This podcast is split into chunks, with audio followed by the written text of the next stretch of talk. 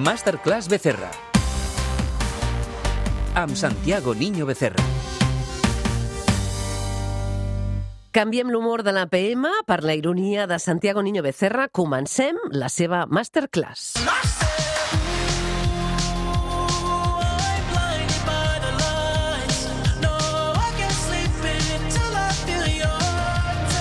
Bona nit, estimat Santiago Niño Becerra. Què tal? Com estàs? Chantal, bona nit. Què tal? Bé, bé. Molt contenta. Tu ets molt present i amb èxit a les xarxes com a Twitter i avui hem parlat al programa de Twitch. Tu et veus a, a Twitch perquè jo crec que arrasaries, eh, Santiago? Doncs la veritat és que no m'ho he plantejat mai, eh? M'ho han dit, eh? Però mm, no, no, no em veig.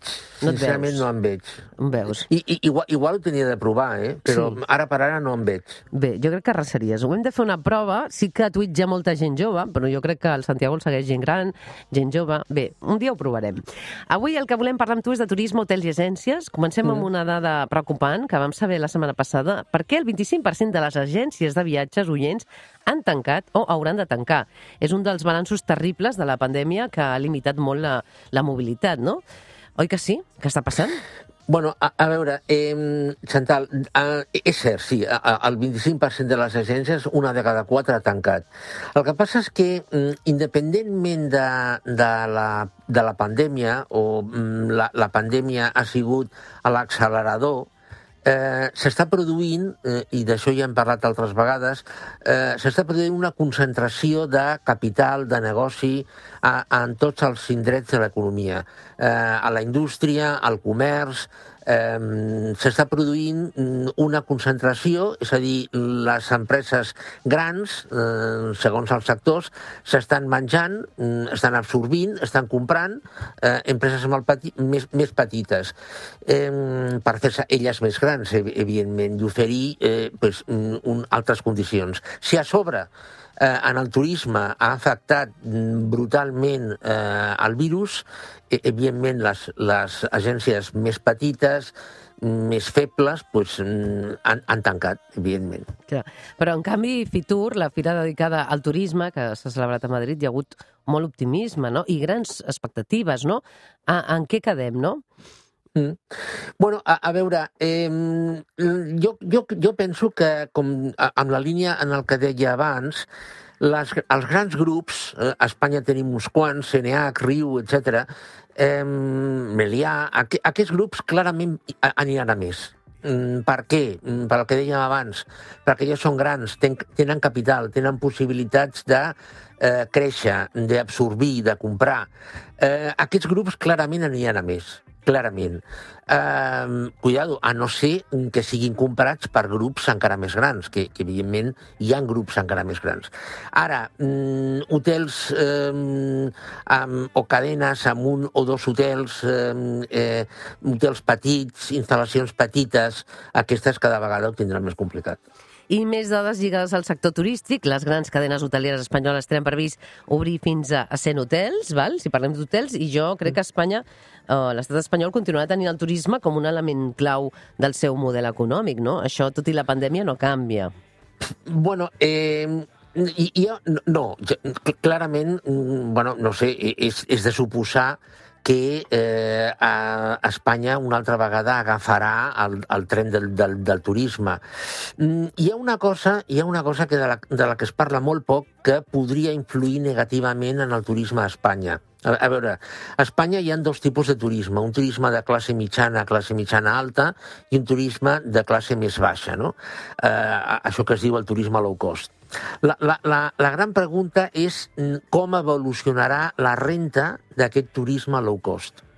Si la renta d'aquest turisme low cost mm, continua anant bé o va més bé, etc etc, mm, aquest turisme low cost continuarà venint, eh, continuarà arribant i continuarà pues, mm, gaudint de les nostres platges, instal·lacions i tal. Si la renda d'aquest d'aquest turisme low cost baixa, aquest turisme mm, vindrà poc o, o deixarà de venir. Uh -huh. Amb la qual jo, jo crec que es tindria de... Mm, bueno, de fet, ja s'està pensant en fer més coses per atraure turisme de més valor afegit. Clar. Un altre tema avui molt important, els autònoms. Un altre tema d'actualitat i que no hem comentat amb tu és aquest, molt polèmic, la proposta dels nous trams, que en alguns casos pot significar haver de pagar una quota molt més alta. Per exemple, oients, eh? algú que facturi uns 3.000 euros al mes pot pagar quasi 1.000 euros, en canvi, qui factura menys pagarà menys i ja veus que hi estan a favor i veus que hi estan molt en contra. Tu on et posiciones, Santiago, amb aquests nous trams que volen, que volen fer dels autònoms? A, a, a veure, eh, mm, Chantal, anem al final. Mm, com tu, tu, tu ja saps, eh, la proposta del ministre, perquè això és una proposta, sí, eh, sí. encara.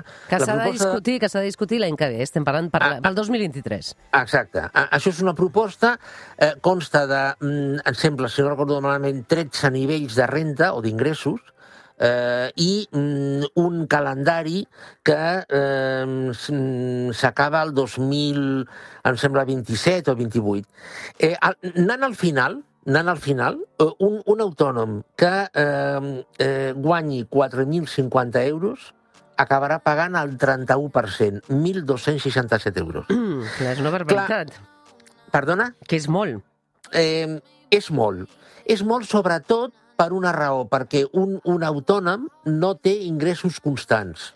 Uh -huh. és, és a dir, un, un assalariat, una empresa, més o menys té ingressos constants. Un autònom o molts autònoms no tenen ingressos constants, amb la qual mm, tenir de pagar aquesta quantitat fixa cada mes és, és realment molt, molt elevada i molt, molt perjudicial.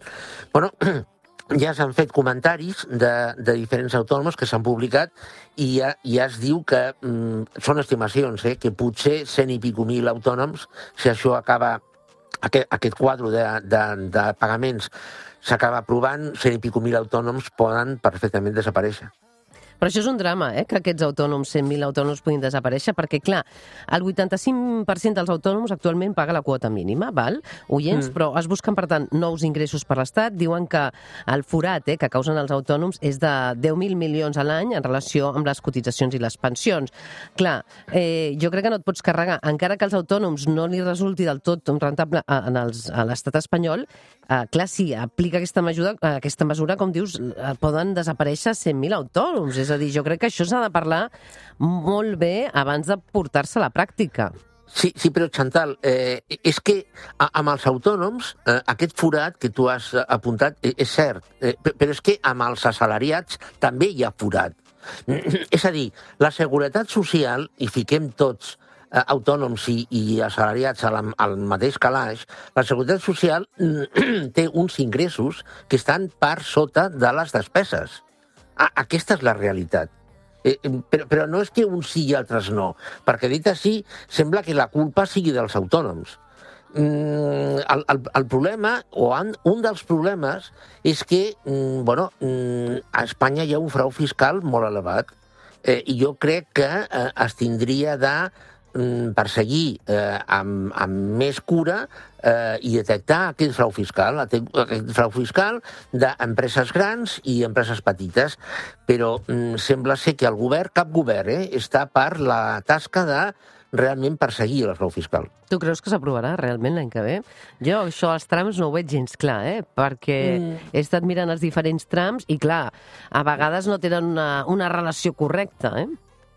Home, jo, jo crec que... Mm, sí, però, mm, a veure, jo crec que aquesta és una proposta de màxims del Ministeri.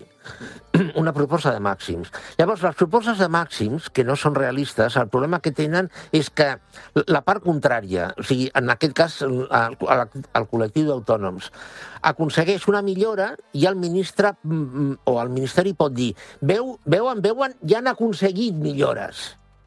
Però, torno a dir, perquè la, la proposta és de màxims és a dir, no és, jo crec que no és una proposta realista eh, o, o una proposta lògica, mm, amb la qual clar, és molt perillós entrar a negociar mm, per aquesta banda.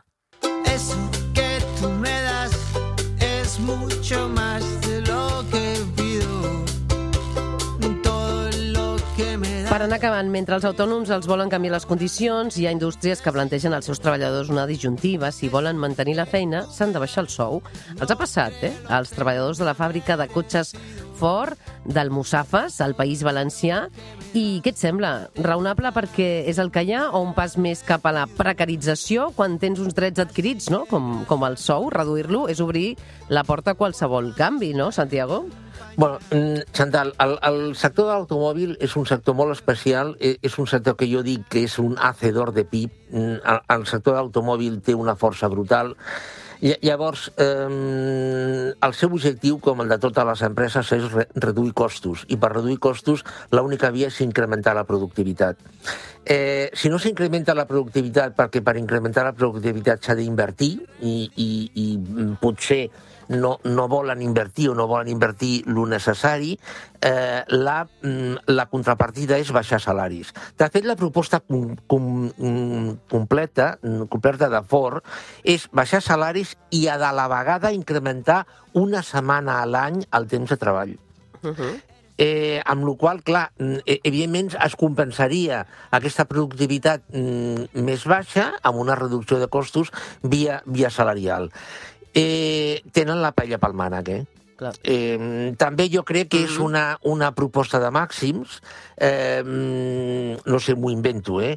eh si, a, si a Ford diu de reduir els salaris un 6%, pues, eh, igual eh, es queda amb un 3,5%, eh, però tenint en compte la inflació que hi ha, hi ha una pèrdua molt important de poder adquisitiu, Clar. però sempre l'empresa pot dir, bueno, però heu aconseguit eh, un, un, un, un, un benefici, no? Eh, i, I ens quedem. I, I jo crec, sota el meu punt de vista, que mm, el, el govern, tant el govern autonòmic, en, el cas, en aquest cas de la Comunitat Valenciana i de Madrid, Mhm. els hi aconsellaran als treballadors que acceptin. Clar. Bé, molts temes sobre economia i, com sempre, en parlem al Revolució amb el gran Santiago Niño Becerra. Gràcies, Santiago. Molt bé, Chantal, bona nit, gràcies.